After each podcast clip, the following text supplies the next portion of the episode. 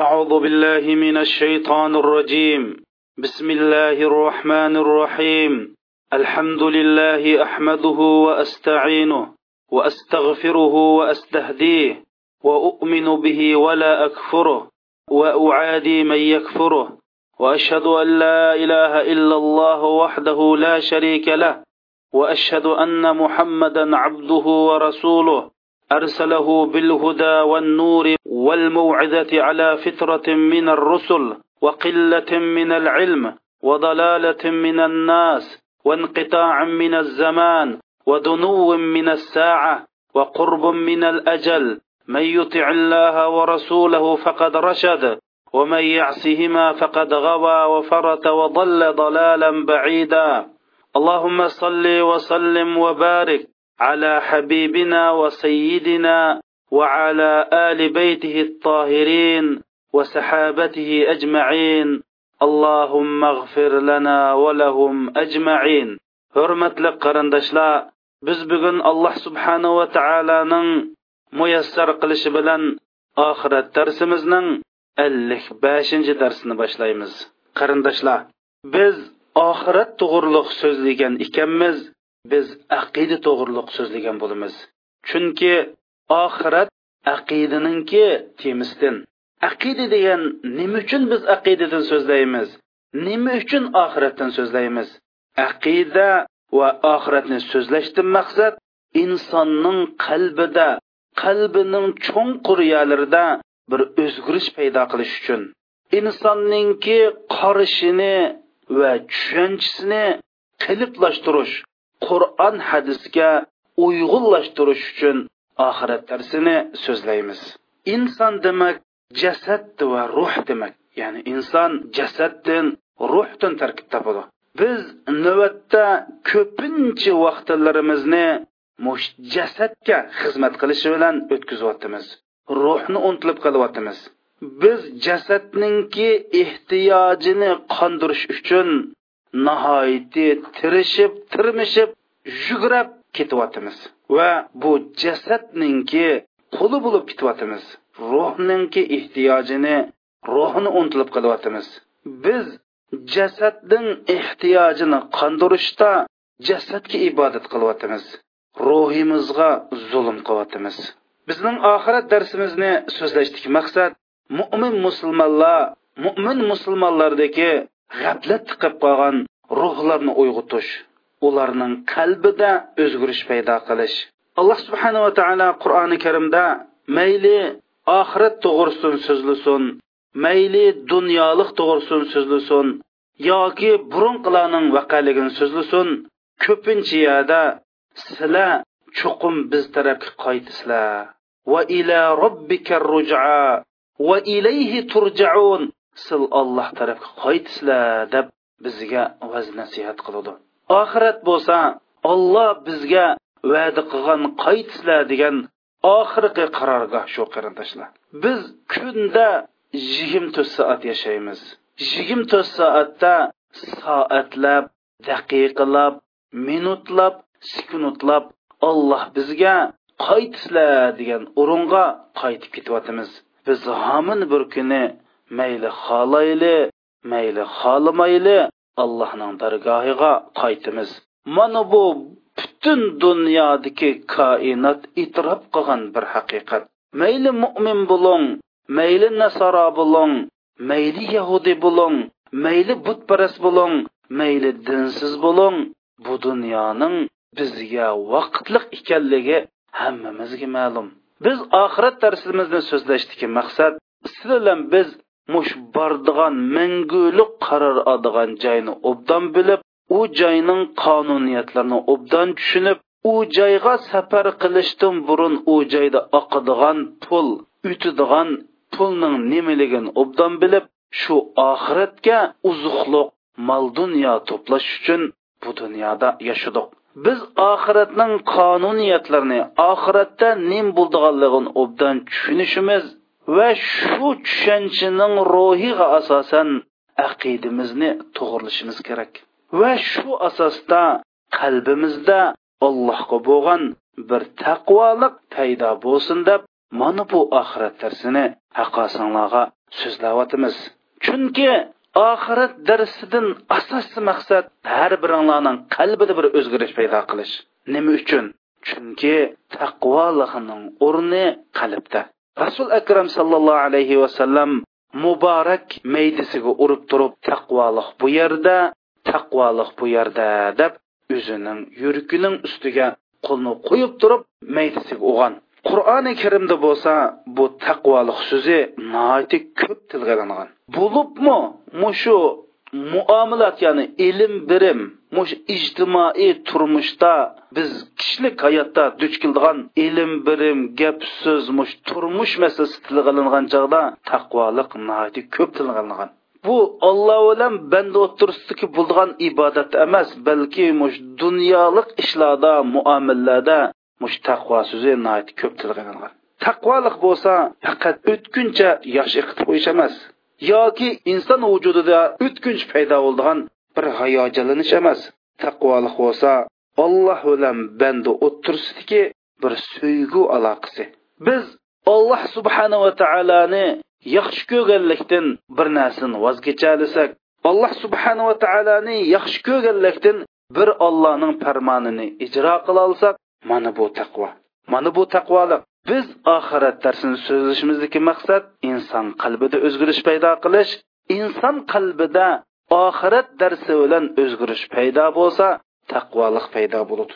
Shuning uchun biz oxirat darsini so'zlagan vaqtida mana mushni maqsad qilamiz. Bizning mush darsimizni anglab qarindoshlarimizningki ilm birimda gap so'zlarda kishilik turmushda va kundalik mush insoniyat bilan bo'lgan aloqasida mayli ota onangiz bo'lsin ayolingiz bo'lsin musulmon qarindoshlaringiz bo'lsin shular bilan qon muomalangizda bir o'zgarish paydo bo'lmaydi ekan bir taqvoliq o'lcham qilinmaydi ekan dunyo oxirat ikkisi tangpunglashtirib bir muomala qilinmaydi ekan demak yo bizning dars so'zlashimizda masal bor yo sizning qalbingizda masal bor biz dedik bu taqvo so'zi qur'oni karimda eng ko'p tillanilgan so'ri bo'lsa taloq surasi qur'oni karimda mana taloq surasida ajoyib taqvolik so'zi ko'p tillanilgan nima uchun desa bu taloq masalasi musulmonlarning oilasiga aloqador bir masala. Demak oxirat darsini anglab sizning oilangizda bir o'zgarish bo'lmasa oilangiz bilan bo'lgan aloqangiz bir o'zgarish bo'lmasa ya bir dars so'zlashda mag'lub bo'ldik yo sizning qalbingiz allohning oyatlari va hadislari ta'sir qilmaydigan qilib desak biz mubolag'a qilgan bo'lmaymiz. Shuning uchun oxirat darsini anglagan har bir qarindoshlarimiz darsni anglaganda hayajonlanib qo'yib ammo ilm bilim kishilik munosabat va oilasida bo'lgan aloqada o'zgarish bo'lmaydi ekan gap so'zlarda o'zgarish bo'lmaydi ekan demak oxirat darsining ahamiyati bo'lmaydi deganlik. Alloh subhanava taolo sillam bizga manfaatlik ilm ato qilsin. Va sillam bizni shu manfaatlik ilmdan foydalangudak qalb va ong tushuncha ato qilsin. Hamda biz o'z dars temamizga kelsak biz bir necha darsda mush do'zax so'zi tilga ilingan oyatlarni izohlab kelyapmiz. Biz bu izohlashda ashur baqar anandan keyin sura niso mushuq surlarning qur'ondagi rad tartib bo'yicha izohlab kelyapmiz. Biz dedik do'zax so'zi bo'lsa qur'oni karimda bir yuz o'ttiz sakkiz yerda bir yuz o'ttiz sakkiz oyatda tilg'anilgan biz shu oyatni qur'ondagi surning rad tartibi bo'yicha izohlab kelyapmiz. Bugun izohlamoqchi bo'lgan oyat bo'lsa tavba surasidagi oltmish uchinchi oyat. Alloh subhanava taolo bu oyatda shundoq deydi. أعوذ بالله من الشيطان الرجيم ألم يعلموا أنه من يحادد الله ورسوله فأن له نار جهنم خالدا فيها ذلك الخزي العظيم ular shuni bilmadimi kimiki olloh va allohning rasuli bilan dushmanlashar ekan undoq odam uchun jahannamdan iborat do'zax bo'ladi u bu jahannam deb atildigan bu do'zaxda mangu qoladi mana bo'lsa haqiqiy bir bechorlik haqiqiy bir xo'rliqdir deydi. Bu oyat bo'lsa bir insonningki baxtini baxt saodatini yoki manguliq baxtsizlik shaqovatini bekitadigan oyat. Asli inson olloh va allohning rasuli bilan qarslashmasligi kerak balki olloh va allohning rasuli bilan do'stlashishi va alloh va allohning rasuli ko'rsatgan yo'lga minish kerak. Chunki alloh subhanava taolo bizni yaratdi. Bizni nozu ne'matlar bilan ta'minladi. Butun koinotni biz uchun yaratib alloh subhanava taolo bizning kuchlik nuqtamizni bizning ojizlik nuqtamizni bizning naga berib nada to'xtaydiganligimizni biz qandoq qilsak sog'lom bo'ldiganligimizni qandoq qilsak bizningki kasal bo'ldiganligimizni hammasini bilgan alloh subhanava taolo bizning shu butun ishlarimizga uyg'un maskagidek qonun shariatlarni qilib berdi. Undoq bo'lgan ekan biz olloh va allohning rasulining qonun shariati bilan dushmanlashmay olloh nima degan bo'lsa mayli bu degan qonunning hikmatini orq ko'rishni tushunayli yoki o'qimaslikdan bilmaslikdan nodonligimizdan yoki biz yashayotgan muhitning shu masalani tushundirib berishi mumkin bo'lmaganlikdan biz alloh subhanava taolo bekitgan qonun shariatga agashmaydi ekanmiz biz mangu baxtsiz bo'lamiz. Chunki alloh subhanava taolo bizni yaratdi bizga nimaning foyda ekanini bilganlikdan shu bizning foydamizni chiqish qilib turib alloh subhanava taolo bizga qonun tushadi. Shuning uchun bu oyatda kimiki deydi olloh va allohning rasuli bilan qarshilashir ekan u mangu do'zaxda bo'ladi. Bu dunyodan do'zaxda bo'ladi oxiratdan do'zaxda bo'ladi. Olloh allohning rasuli bilan qarshilashir ekan u mangu xo'rliq qiladi deydi. Alloh subhana taolo oyatning boshida alam yalamu? Ular bilmadimi deydi.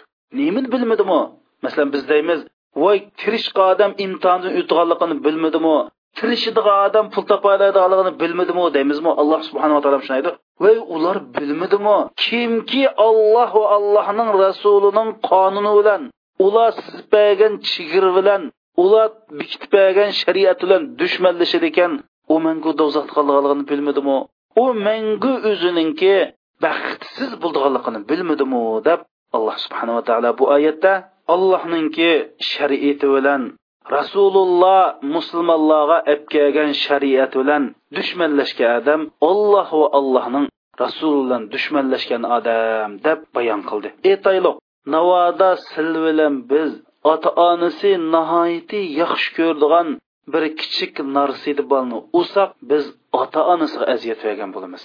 Alloh subhanava taolo eng yaxshi ko'rgan shariatga olloh yaxshi ko'rgan olloh mening kalomim degan qur'oni karim bilan biz qarshilashsak olloh bilan qarshilashgan bo'lamiz.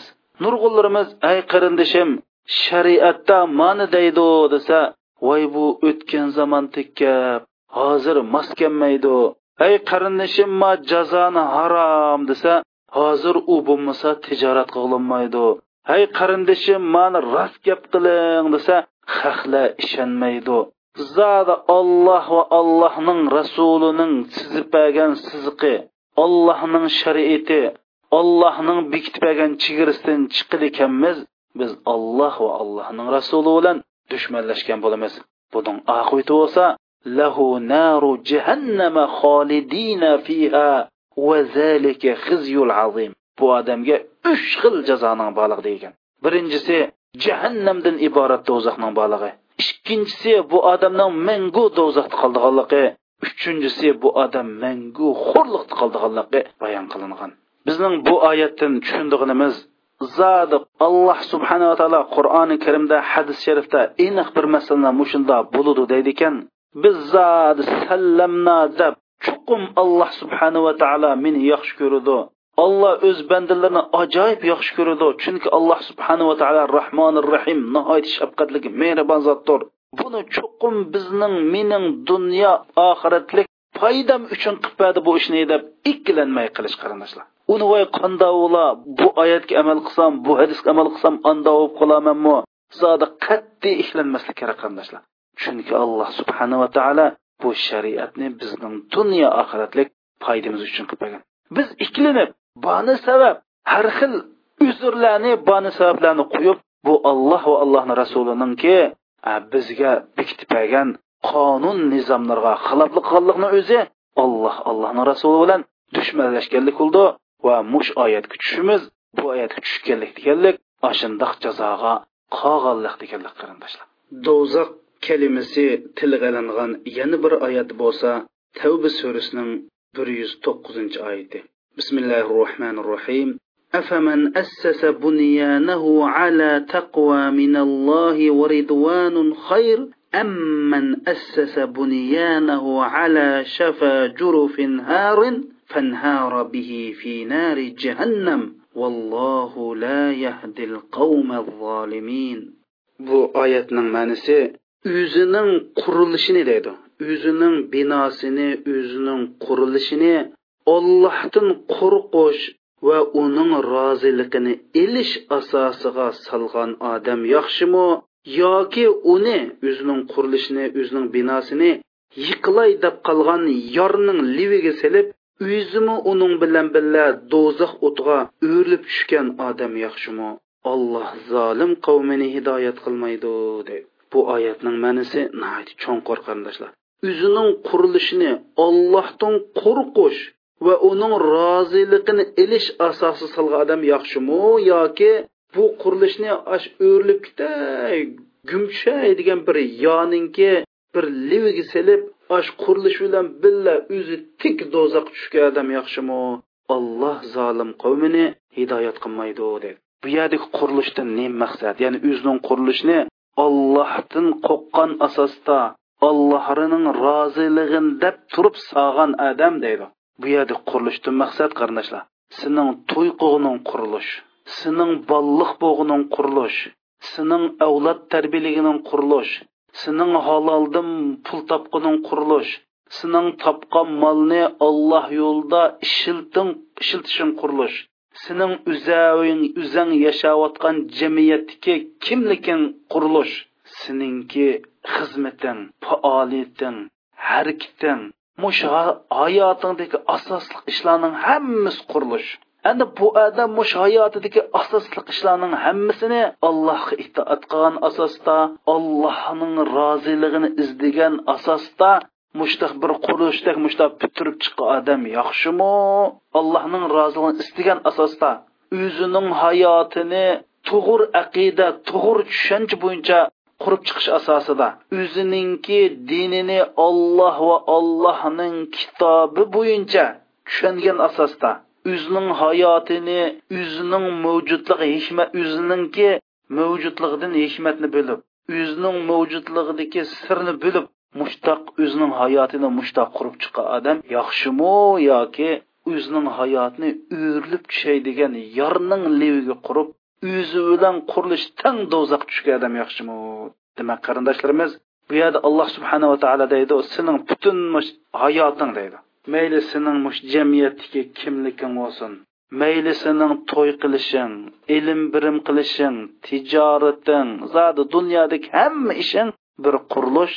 Sen bu qurilishni yo allohga taqvo qilgan ollohdan qo'rqqan alloh itoat qilgan allohning rizoligini ko'zlagan asosda qurib chiqsa deydi yo bo'lmasa uning aksicha qilsan bu aksicha qilganliging ash xuddi bir odam uyini gumurlib tushay degan yoning girukiga solganga o'xshaydi bu uy o'rilib tushsin do'zax tushidi uyni egisim tushidi bu ikkisidan qasi yaxshi deb alloh subhanava taolo bizga ajoyib bir go'zal balog'at fasohatda eng yuqori pallisda bayon qilingan bu oyatlar bizga tushuncha beryapti qarindoshlar alloh subhanava taolo insonni yoritib bu insonda uch xil bir ehtiyojlikni qildi. Insonninki o'zining bir shaxs bo'lish bilan mavjudligini saqlab qolish uchun yemak ichmakka muhtoj. Shuning uchun bu inson yeydi ichidi yeyish ichish uchun harakat qiladi. Agar insonda mana bu alloh subhanaa taolo bu ehtiyojni qilmagan bo'lsa biz uzunga so'zilgan tub tuz yo'llarni qavat qavat oliy ilm yurtlarini nihoyatda ko'rkam silingan ko'riklarni bog'chilarni tajribaxonalarni muassasalarni ko'migan bo'ladi inson alloh subhanava taolo insonda mush hojatni qilish orqali mana bu hojat mushundoq dunyoninki gulnishga sabab bo'lgan. Insonda yana ikkinchi bir hojat bo'lsa inson o'zining mavjudligining davomlash uchun bir hayotida to'y qilishga muhtoj. Bu orqali avlod naslni saqlab qoldi shu insonning mavjudligi davomlashudir uchinchi bir insonning uchinchi bir ehtiyoji bo'lsa inson o'zininki mavjudligini isbotlaydigan bir o'zining mavjudligini isbotlashga muhtoj. Shuning uchun inson yeyish uchun ichish uchun pul topishga harakat qiladi. Nasli qoldirish uchun o'zining mavjudligi uchun to'y qiladi. O'zining mavjudligini isbotlash uchun harakat qiladi. Mana mush orqali inson inson bo'lib turdi. Endi alloh subhanava taolo deydi mush ishlarni hammasini ollohdan qo'rqqan ollohdan aymingan ollohning rizoligi bo'yicha shuni ko'zlab qurib chiqqan mushni mushundoq bir qurilishdek bir qilib chiqqan odam yaxshimi? Yoki mush ishlarning hammasini deydi. Osh xuddi ollohning qonunining sirtida ollohning ko'rsatgan yo'lda mangmay xuddi bir odam uyini gumurlib tushaydigan yoning leviga selib uyimi gumurlib o'zim gumurlib do'zax tushgan odam yaxshimi? Alloh zolim qomni hidoyat qilmaydi deb mana bu yerda alloh subhanava taolo mush allohning qonuniga allohning yo'lida mangmagan odamning ikkala dunyoda vayron bo'lganligini bayon qilgan. Demak bu oyatning asosli mazmunini yig'inchoqlasak inson zot butun eng kichik ishlaridan tortib eng cho'ng ishlargachilik bu ishni ikki maqsad qilsa biri allohga itoat qilganlikdan ikkinchisi allohning rizoligini izlaganlikdan mush ikki prinsipda asosi bo'yicha qilsa bu odam u dunyo bu dunyo baxtli bo'lganligi oxirat jannat qilganlik. Kimki bu dunyodagi eng kichik ishidan tortib eng cho'ng ishigacha mush ikki ishni maqsad qilmay qolgan bo'lsa allohning itoat qilish va allohni rizoligini izlash degan bu ikki ramkidan chiqib turib qilsa bu odam xuddi ash gumurlib tushadigan yoni ustiga uy silib ash uy bilan tang gumurlib tushib bu dunyoda halok bo'lib oxiratda do'zaxga tushadiganligi bayon qilingan. Bu oyatning asos mazmuni shu qarindoshlar do'zax so'zi tilga ilingan yana bir oyat bo'lsa hud surasining 17 oyati أعوذ بالله من الشيطان الرجيم أفمن كان على بينة من ربه ويتلوه شاهد منه. ومن قبله كتاب ومن قبله كتاب موسى إماما ورحمة. أولئك يؤمنون به. ومن يكفر به من الأحزاب. فالنار موعده. فلا تكو في مرية منه إنه الحق من ربك ولكن أكثر الناس لا يؤمنون إيماندا parvardigori tarafidan aniq dalil fokit asosiga ega uning bilan birga olloh tarafidan kelganligiga bir guvohchi tilovat qilib guvohlik bergan uning ustiga shuning haqligiga ya'ni bu allohning qur'onining haqligiga muso alayhissalomga yo'lboshchi va guvohchi sifatida nozil bo'lgan tavrat ham guvohlik bergan. Mushundoq haq qur'ondan iborat dalil fokit asosiga ega bo'lgan odam bilan iymonida parvardigori tarafidan aniq dalil fokit asosiga ega bo'lgan. Uning bilan birga olloh tarafidan kelgan bir guvohchi tilovat qilib shu iymonninki dalil fokitlarini texmi bak kuchlantirib guvohlik berib kelgan. Buning bilan birga muso alayhissalomga yo'lboshchi va hidoyat sifatida nozil bo'lib tavrat buning haqligini ta'kidlab kelgan. Mushundoq iymonida haqiqat dalil fokit asosiga ega odam bilan barliq maqsad nishoni foniy dunyo va foniy dunyoning zibu zinnatlari bo'lgan odam ikkisi o'xshash bo'la olamdi. Bundoq dalil fokitning ustiga bundoq dalil fokit asosiga ega bu odamlar bo'lsa mushu qur'onga iymon keltirganlar. Kimiki har xil iqimdagi har xil partiyalardagi mushundoq iniq dalil pokit turib qur'oni karimga kofir bo'lganlar bo'lsa uningki borar joyi do'zaxdir. Ey muhammad san bu qur'oni karimning haqligi haqida qat'iy shakda bo'lma. Chunki bu yerdagi muhim masala bu qur'oni karim bo'lsa sening robbing tarafdan kelgan haq kitobdir. Biroq ko'pincha kishilar buningga iymon keltirmaydi. Demak alloh subhanava taolo bu yerda har qandoq bir mo'min musulmon bo'ladi ekan u mo'min musulmonningki iymoni dalil fokit asosi qurilgan bo'ladi mo'minlar bir ishni bilib turib qiladi bir ishni bilib turib qilmaydi. Kofirlarning bo'lsa hech qandoq bir dalil fokiti bo'lmaydi. Mo'minlar dalil fokitni asos qiladi. Qur'oni karimdan dalil fokitni asos qiladi. Ammo buning aksicha kofirlar bir necha iqim bir necha partiyalarga bo'linib hech qandoq dalil faktsiz qur'oni karimga kofir bo'lib inkor qiladi haq oldida bosh egmaydi. Ammo mo'min bo'lsa haq oldida bosh egidi aytaylik e mana shu beshinchi xalifa umar ibn abdul aziz xalif bo'lgan vaqtida hammasi meningki davlatdan oldigan haqqimni ba deb keldi. Kelgandan keyin voy hamma man sizga hamma odamga o'xshash davlatdan tegishlik yordamingizni badim debdi. Yo'q man podsho oilasidan xalifa oilasidan bo'lganlikdan va burundan man mush davlatdan aloida bir ta'minotlan bahramon bo'lib kelgan adam bu haqda man sanga sandan burunqi xalifalarninki hujjat farmonlarini aklaymu debdi. Umar ibn abdulaziz beshini ko'tarib ey hamma nima deysiz? debdi. Man sanga sininki oldingdagi xalifaninki hujjatni aklaymi debdi. Siz xalifaning hujjati bilan qur'oni karimning hujjatiga qarshi chiqmoqchimi? Deb mana qur'ondan musulmonlar har qandoq ish qilsa qur'on hadisda aniq dalil fakti bilan qiladi deydi. Shuning bilan bu ayol chiqib ey bani umayya bani umayyaninki avlodlari sizlar umar ibn abdul azizni xalifa qilib o'lib ketgan umar tirilib ketdi emasmi deb shunday degan. Chunki bu beshinchi xalifa umar ibn abdul aziz umar xattobning avlodidan shuning navri chavrillardan nima dedi desa ey bani umayya avlodlari buningdan keyin faqat malomat qilsanglar o'zinglar malomat qilinglar. Sizlar bu beshinchi xalifani olib keldi deb o'lib ketgan umarni olib kelibsizlar umarni xalifa qilibsizlar degan.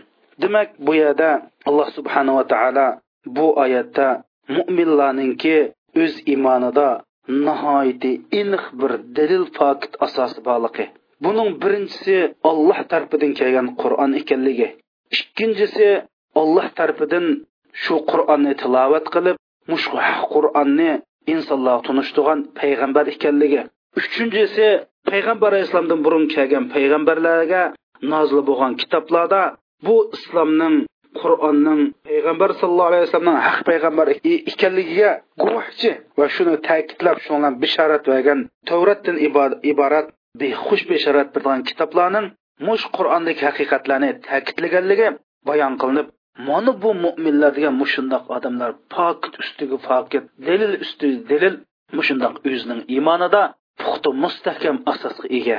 Mushundoq turib kimki mushundoq haqiqatga to'plashib guruh bo'lib iqim bo'lib qarshi chiqib inkor qildi ekan ularning bordog'ayari do'zaxdir deb alloh subhanava taolo mushu haqiqat oldida mayli g'azalli qilib mayli bo'lishiga yashab atrofiga diqqat qilmay haqiqatga diqqat qilmay yoki bu islom din deganninki bu mundoq bir arablarga xos din yo bo'lmasa bu dinning zamoni o'tdi deb islomni o'zining qayoshi o'zining tor nazar doirasidan tushunib olib mushunda qur'oni karimda kelgan mushundoq dalil pokit ustiga qurilgan. Dalil pokit ustiga dalil pokit pokit ustiga pokitlar bilan ta'kidlangan mush qur'oni karimdagi haqiqatni. Mayli shu qur'oni karimdagi bir oyat kelgan haqiqatni balki shu haqiqatning yarmini inkor qildi ekan mana bularning bordigan joyi do'zaxda. Endi bu yerda inkor qildi degan gap ya'ni shu qur'onda kelgan hukmni ijro qilmasa yoki qur'onda kelgan hukmni bizning zamonga mos kelmaydi sharoitga mos kelmaydi deb har xil bano sabab bilan ijro qilmaslikqa urinsa mana bularning bordigan joyi do'zax degan qur'oni karimda do'zax so'zi tilg'alangan yana bir oyat bo'lsa hud surasining to'qson yetti to'qson sakkizinchi oyati alloh subhanava taolo bu oyatda shundoq deydi أعوذ بالله من الشيطان الرجيم بسم الله الرحمن الرحيم فاتبعوا أمر فرعون وما أمر فرعون برشيد يقدم قومه يوم القيامة فأوردهم النار وبئس الورد المورود fir'onning agashkichilar bo'lsa fir'onning buyrug'iga agashdi itoat qildi fir'onning buyrug'i bo'lsa to'g'ri emas edi shundoq turug'liq ular agashdi fir'on bo'lsa qiyomat kunisi shu o'ziga agashgan qavmga bosh bo'lib do'zax kirdi. Ular kirgan joy nima degan yomon joy ha?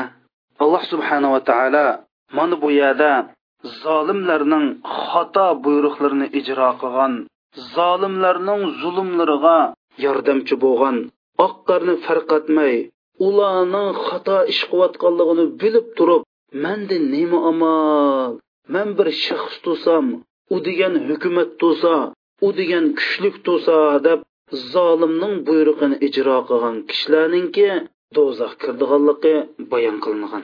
Imom ahmad rahmatulloh alayh turmidik chog'da turmida xizmat qildigan bir saqchi imom ahmaddan so'ragan. Man sizningki shu zolimlar haqida bayon qilgan hadislarni angladim man mushu turmada ishlayman. Man zolimning yordamchisi bo'lamdim degan vaqtida sen zolimning yordamchisi bo'lmaysa sening ishingni aytgan sening kiyimingni tikkan sening kiyimingni tikish uchun janglaga jip o'tkazgan sening kiyimingni e, tikkan sening ishingni aytgan sening tomoqingni aytganlar zolimning yordamchisi bo'ladi. Ammo sen o'zing zolim bo'lasan degan. Shuning uchun alloh subhanava taolo bu oyatda mushundoq fir'ondak zolim podsholarning buyrug'ini qarg'ulach ijro qiladigan yoki har xil bani sanoat bilan ijro qilgan odamlar bo'lsa qiyomat kunsi osh o'zlari itoat qilgan o'zlari ashundoq zolim buyruqlarni ijro qilgan osh odamlarninki boshchiligida shular bilan birga do'zax kirdianligi ular kirgan do'zaxning nihoyatimi yomon nihoyatimi badbashara nihoyatimi ichinishliq nihoyatimi fojialik bir do'zax ekanligini bayon qilgan. Do'zax so'zi tilga ilingan yana bir oyat bo'lsa hud surasining bir yuz to'rt va bir yuz oltinchi oyatlari. أعوذ بالله من الشيطان الرجيم وما نؤخره إلا لأجل معدود يوم يأتي لا تكلم نفس إلا بإذنه فمنهم شقي وسعيد فأما الذين شقوا ففي النار لهم فيها زفير وشهيق biz u kunni ya'ni oxiratni qiyomatni muayyan muddatgacha kechiktiramiz qiyomat kuni bo'lganda har qandoq odam faqat ollohdan ijozat bo'lgandala so'zlayalaydi ularning ba'zilari baxtsiz bo'ladi ba'zilari saodatman bo'ladi. Ya'ni oxiratda butun insonlar ikki guruh bo'ladi. Yo baxtlik saodatman odamlar yo baxtsiz odamlar bo'ladi. Bu dunyoda mo'min yashaganlar baxt saodatmanlar bo'ladi. Bu dunyoda kofir munofiq zolimlar bo'lsa baxtsiz bichor odamlar bo'ladi. Endi baxtsizlarning holiga kelsak deydi. Ular do'zax kirdi ular do'zaxda igis past tovlab noli faryod chekidi deydi. Navoda bir odamni ota onasi xotiningni qo'yivat debdi. Hech qandoq bir bu xotinda qo'yish qo'yitish tegishlik illat sabab tepilmasmi ayolni qo'yitibdi alloh subhanava taoloning oldiga borgan chog'da sen nima deb nohaq ayolingni qo'yyotding desa man ota onamga itoat qildim desa sen ollohga osiy bo'lib ota onadan itoat qildingmi deb hisob oladi. Demak biz uningga ergishib buningga ergishib mayli ergashgan odam ota onamiz bo'lsin mayli kuchlik bir hokimiyat bo'lsin har qandoq qat'iy zar qandoq odam bo'lishdan qat'iy nazar biz ularning kayniga kirib allohning kitobiga osiy bo'lsak biz mas'uliyatdan har qandoq bano sabab bilan qechirib qutulolmaydiganligimiz mana bu oyatda bayon qilgan. Ular fir'unning buyrug'iga ergashdi. Fir'unning buyrug'i to'g'ri emas edi.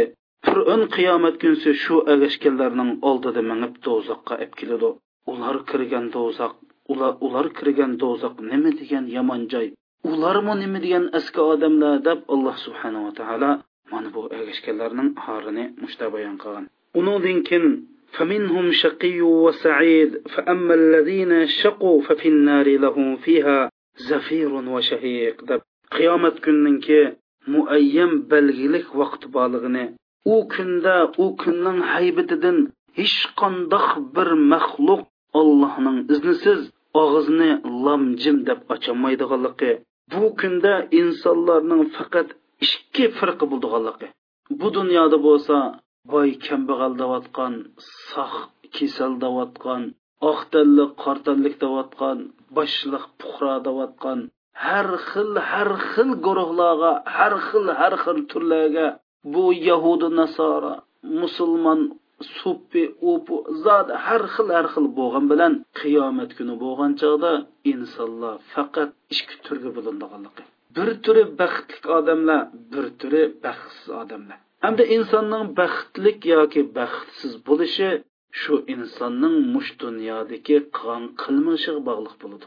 Kimki bu dunyoda qur'on hadis bo'yicha yashab yaxshi amallarni qilsa alloh jalla jaloluhuni allohga loyiq ravishda tunisa bu odamlar qiyomat kunsi baxtli odamlar bo'ladi. Kimki bu dunyoda oxiratdan g'aflatda yashasa allohni allohga loyiq ravishda tunimasa shu sababli allohga osiy bo'lsa bu dunyoda gunoh masiyati bilan yashasa qiyomat kunisi baxtsiz odamlar bo'ladi. Xuddi bu, bu dunyoda o'quvchilar imtihon berib tirishqon va darslarni yaxshi o'rganganlar imtihondan o'tib mas'uliyatsizlik qilib yaxshi o'qimaganlar imtihonida nol ilib chiqqanga o'xshash faminhum shaqiyu va sa'id. Budun oxiratda faqat yo shaqi baxtsiz odam bo'ldi yoki saodatman odam bo'ldi. Unda alloh subhanava taolo bizga bu dunyoda tanlash erkinligini berdi. Unda bo'lgan ekan bu tanlashimizning natijasining natijasining mas'uliyatini o'z ustimizga olish kerak. Mayli biz yo manguliq saodatni tanlaymiz yoki mangutul manguliq baxtsizlikni tanlaymiz. Bu tanlashimiz mana bu manguliq saodat yoki manguliq baxtsizlik bizning tanlashimizning natijasidir. Agar bizning tanlashimiz to'g'ri bo'lsa yaxshi bo'lsa biz yaxshi yo'lni tanlay biz baxtli kishilardan bo'lamiz.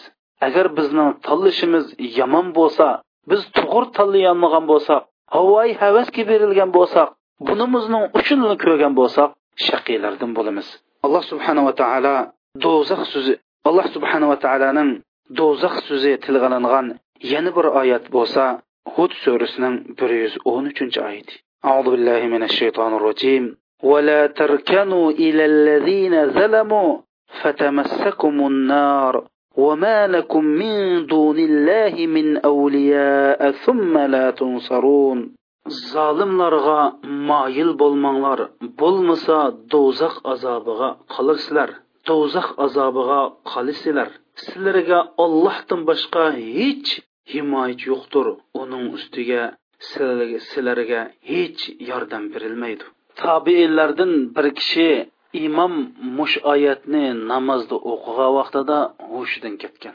Hushi kelgandan keyin voy sizlarga nim bo'ldi desa zolimga moyil bo'lgan odamning holi bu bo'lsa ya'ni u odam do'zaxga kirsa zolim o'zi qandoq bo'lib ketar shuningdan ansirab qo'rqib man shundoq hushimdan ketdim degan. Unda bo'lsa bu oyatdagi zolim kim u? Bu zulm degan gapni biz bir necha qatim dedik. Ya'ni bir narsani tegishlik o'rni qo'ymagan tegishlik haqqini bermasak zolim bo'lmas.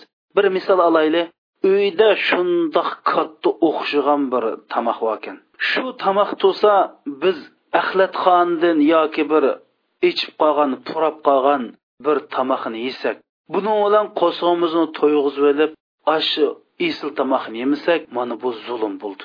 Inson o'zini bir qimmatlik bir narsadan mahrum qilsa o'zi zulm qilgan bo'ldi. Bir qimmatlik narsani tayini yo'q bir ishga ishiltib tugatayotgan bo'lsa bu zulm bo'ldi. Zulmni ichidagi eng yomoni inson o'zi o'zi zulm qilish. Shu alloh subhanaa taolo qur'oni karimda biz ularga zulm qilmadik biroq ular o'zlariga zulm qildi deb ya'ni insonninki o'z o'zimiz o'z o'ziga zulm qilishi bu nihoyatda zulmning yomoni. Inson o'ziga tegishli bir yaxshilikdan o'zini mahrum qilsa bu o'ziga zulm qilgan bo'ladi. Inson o'zini alloh subhanava taolodan jiroqlashtirish bilan o'ziga zulm qiladi. O'zini nodon qo'yish bilan o'ziga zulm qilgan bo'ladi. Olloh ko'z bergan rasululloh sizib bergan haq yo'lda mangmay o'z o'ziga zulm qildi. Kimki mush dindan yuz o'raydi ekan o'zi zulm qilgan bo'ladi. Kimki allohga osiy bo'lib allohning rahmatidan jiroqlashar ekan o'zi o'zi zulm qilgan bo'ladi.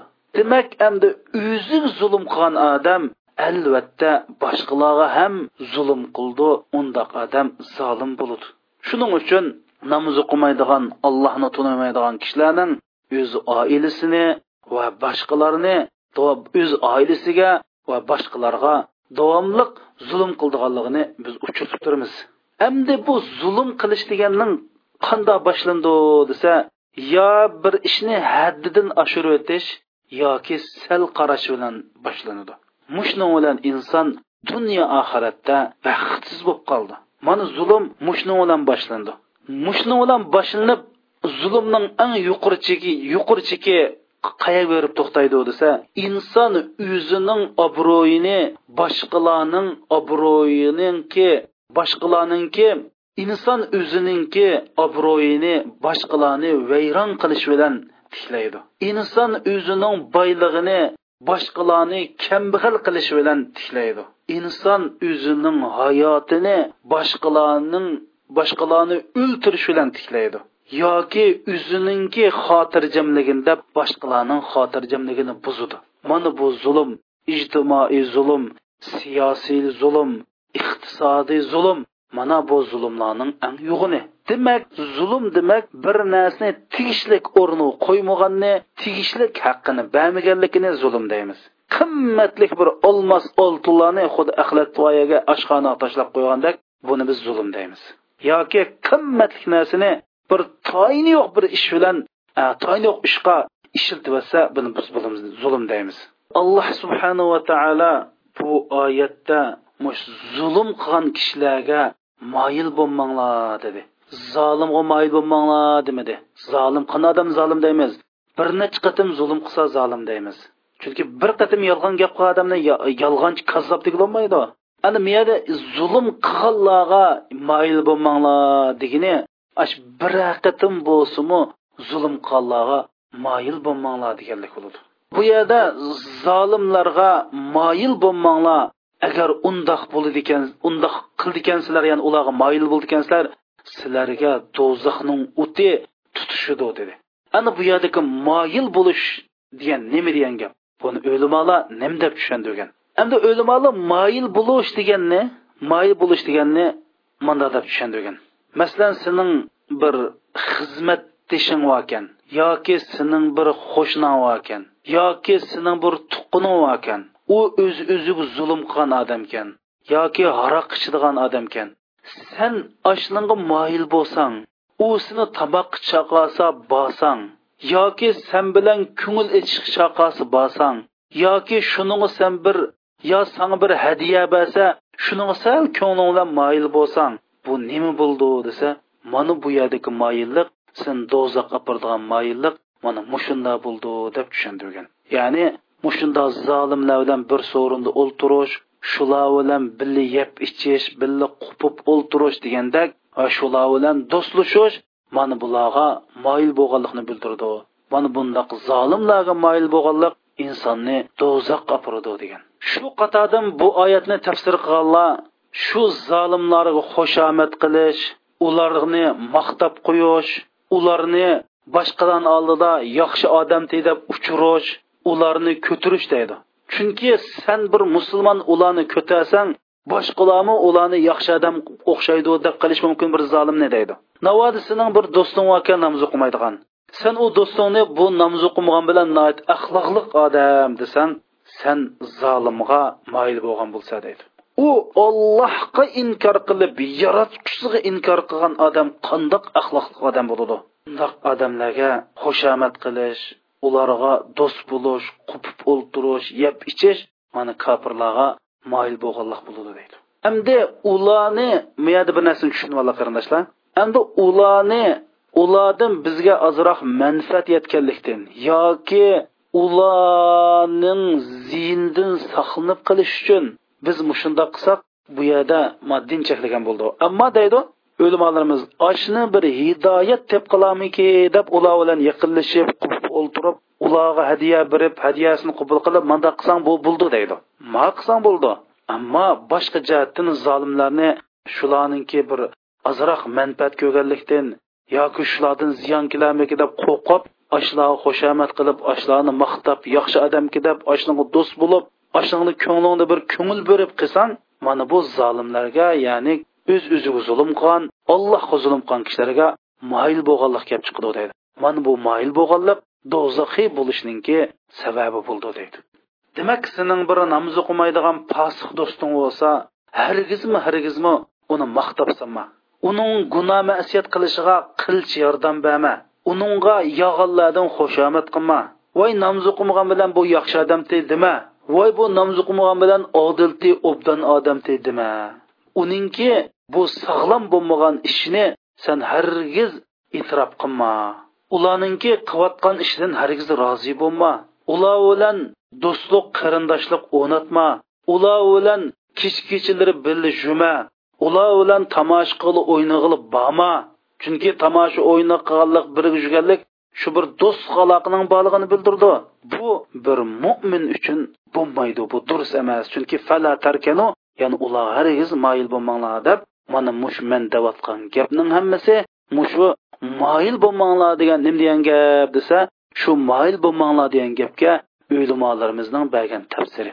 Ya'ni ular deydi sizlar ularninki ular tushgan saviyaga sil tushmanglar. Ular yashayotgan rezillikqa sil yaqinlashmanglar. Sil o'zanglarni ular bilan pastlashtirmanglar. Ularning tor doirasiga kirmanglar. Ular mangan yo'lda mangmanglar.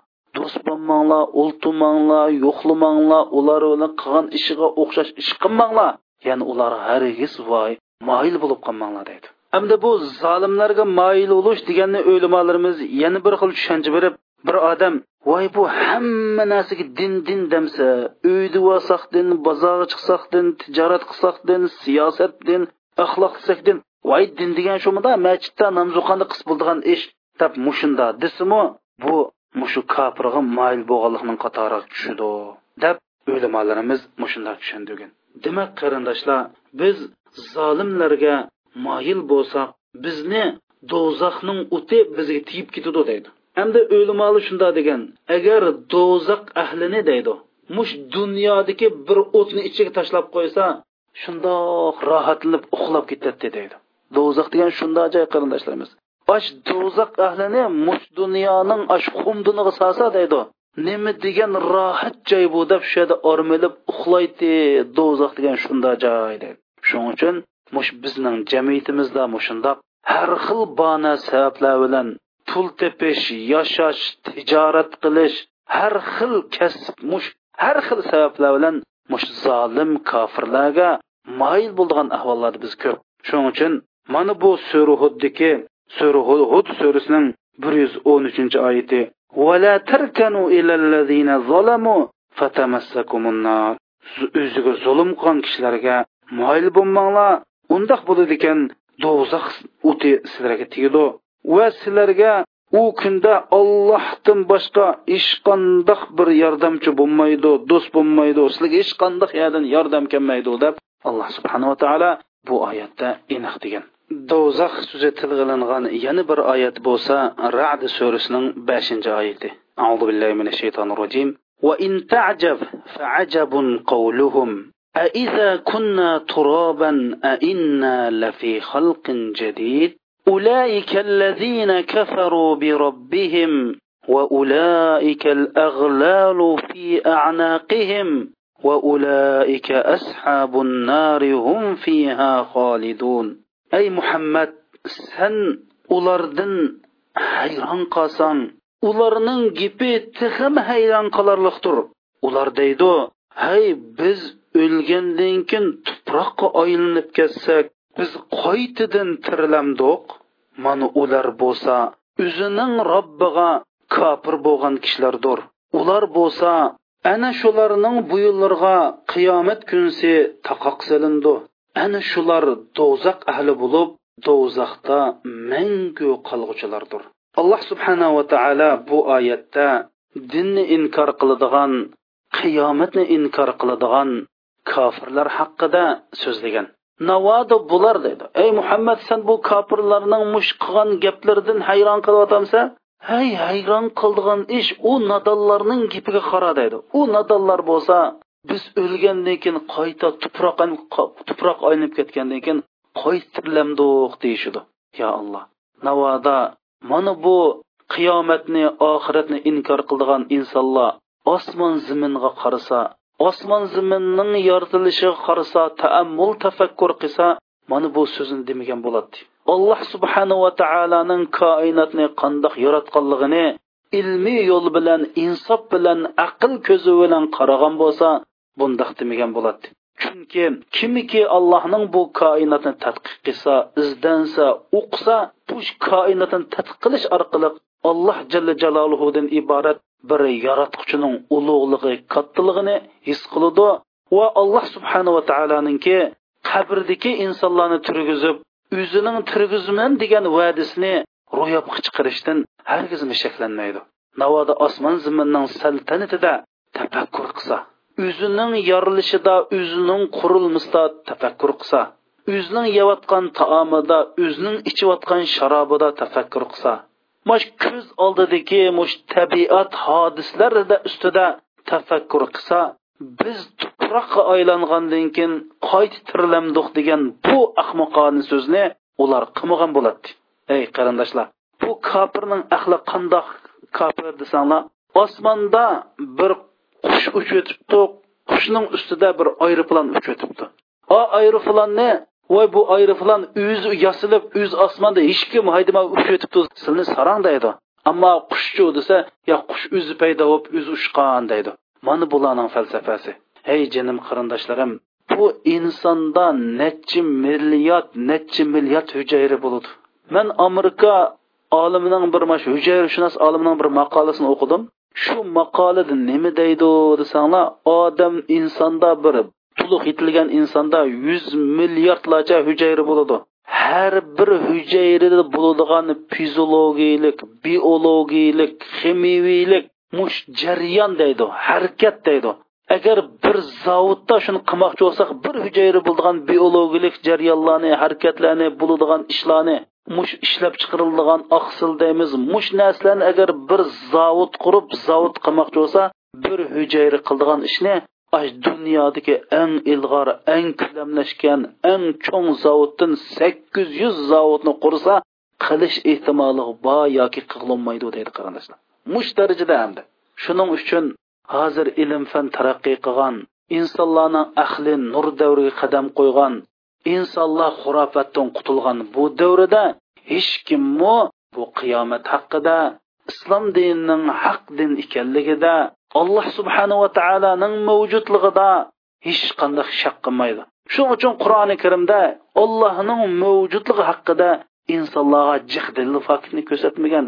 Chunki allohning mavjudligi ko'p kunduzdagi shundoq osmon iliq supsuzuq osmondagi quyoshdimi aniq bir haqiqat. Alloh subhana taolo shuning uchun bu haqda jiq qilish bo'ltamagan. Buningga dalil fakt ketmaydi qarindoshlar. Bu allohning mavjudligi dalil pokit talab qilmaydigan haqiqat. Ammo qiyomatninki qiyomat qaytirilishimiz qiyomatning bo'lishi bo'lsinmi bu ajoyib bir haqiqat. Chunki qur'on allohning kalom ekanligi isbotlangan ekan. Qiyomatning qiyomat to'g'rida qur'oni karimda ikki ming uch yuz yetmish sakkiz oyat bayon qilingan ekan. Bunida qat'iy shak yo'q. Shun alloh subhanava taolo bu bu oyat dedi. Va in tajab ey muhammad san hayron qolsang faajabun qolum ularningki biz o'lib ketsak ikkinchi qatim yana tirlamdiq degan so'ziga hayron qolsang bo'ladi mana bu mush so'zga hayron qol. Ularning mush mush gapni daydamasin bu insonlar deb bu oyatda mushu qiyomatni inkor qildigan dinni inkor qildiganlar haqida alloh subhana taolo buni bayon qilgan deb bo'lib nim dedi? Mana ular bo'lsa robbiga kofir bo'lganlar. Ular bo'lsa qiyomat kuni ularning bo'ynilariga ishkan taqoqlar ular bo'lsa do'zax ahlidir ular do'zaxda mangu qoladi deydi. Vasallallohu ala sayyidina muhammadin va ala alihi va sahbihi vasallam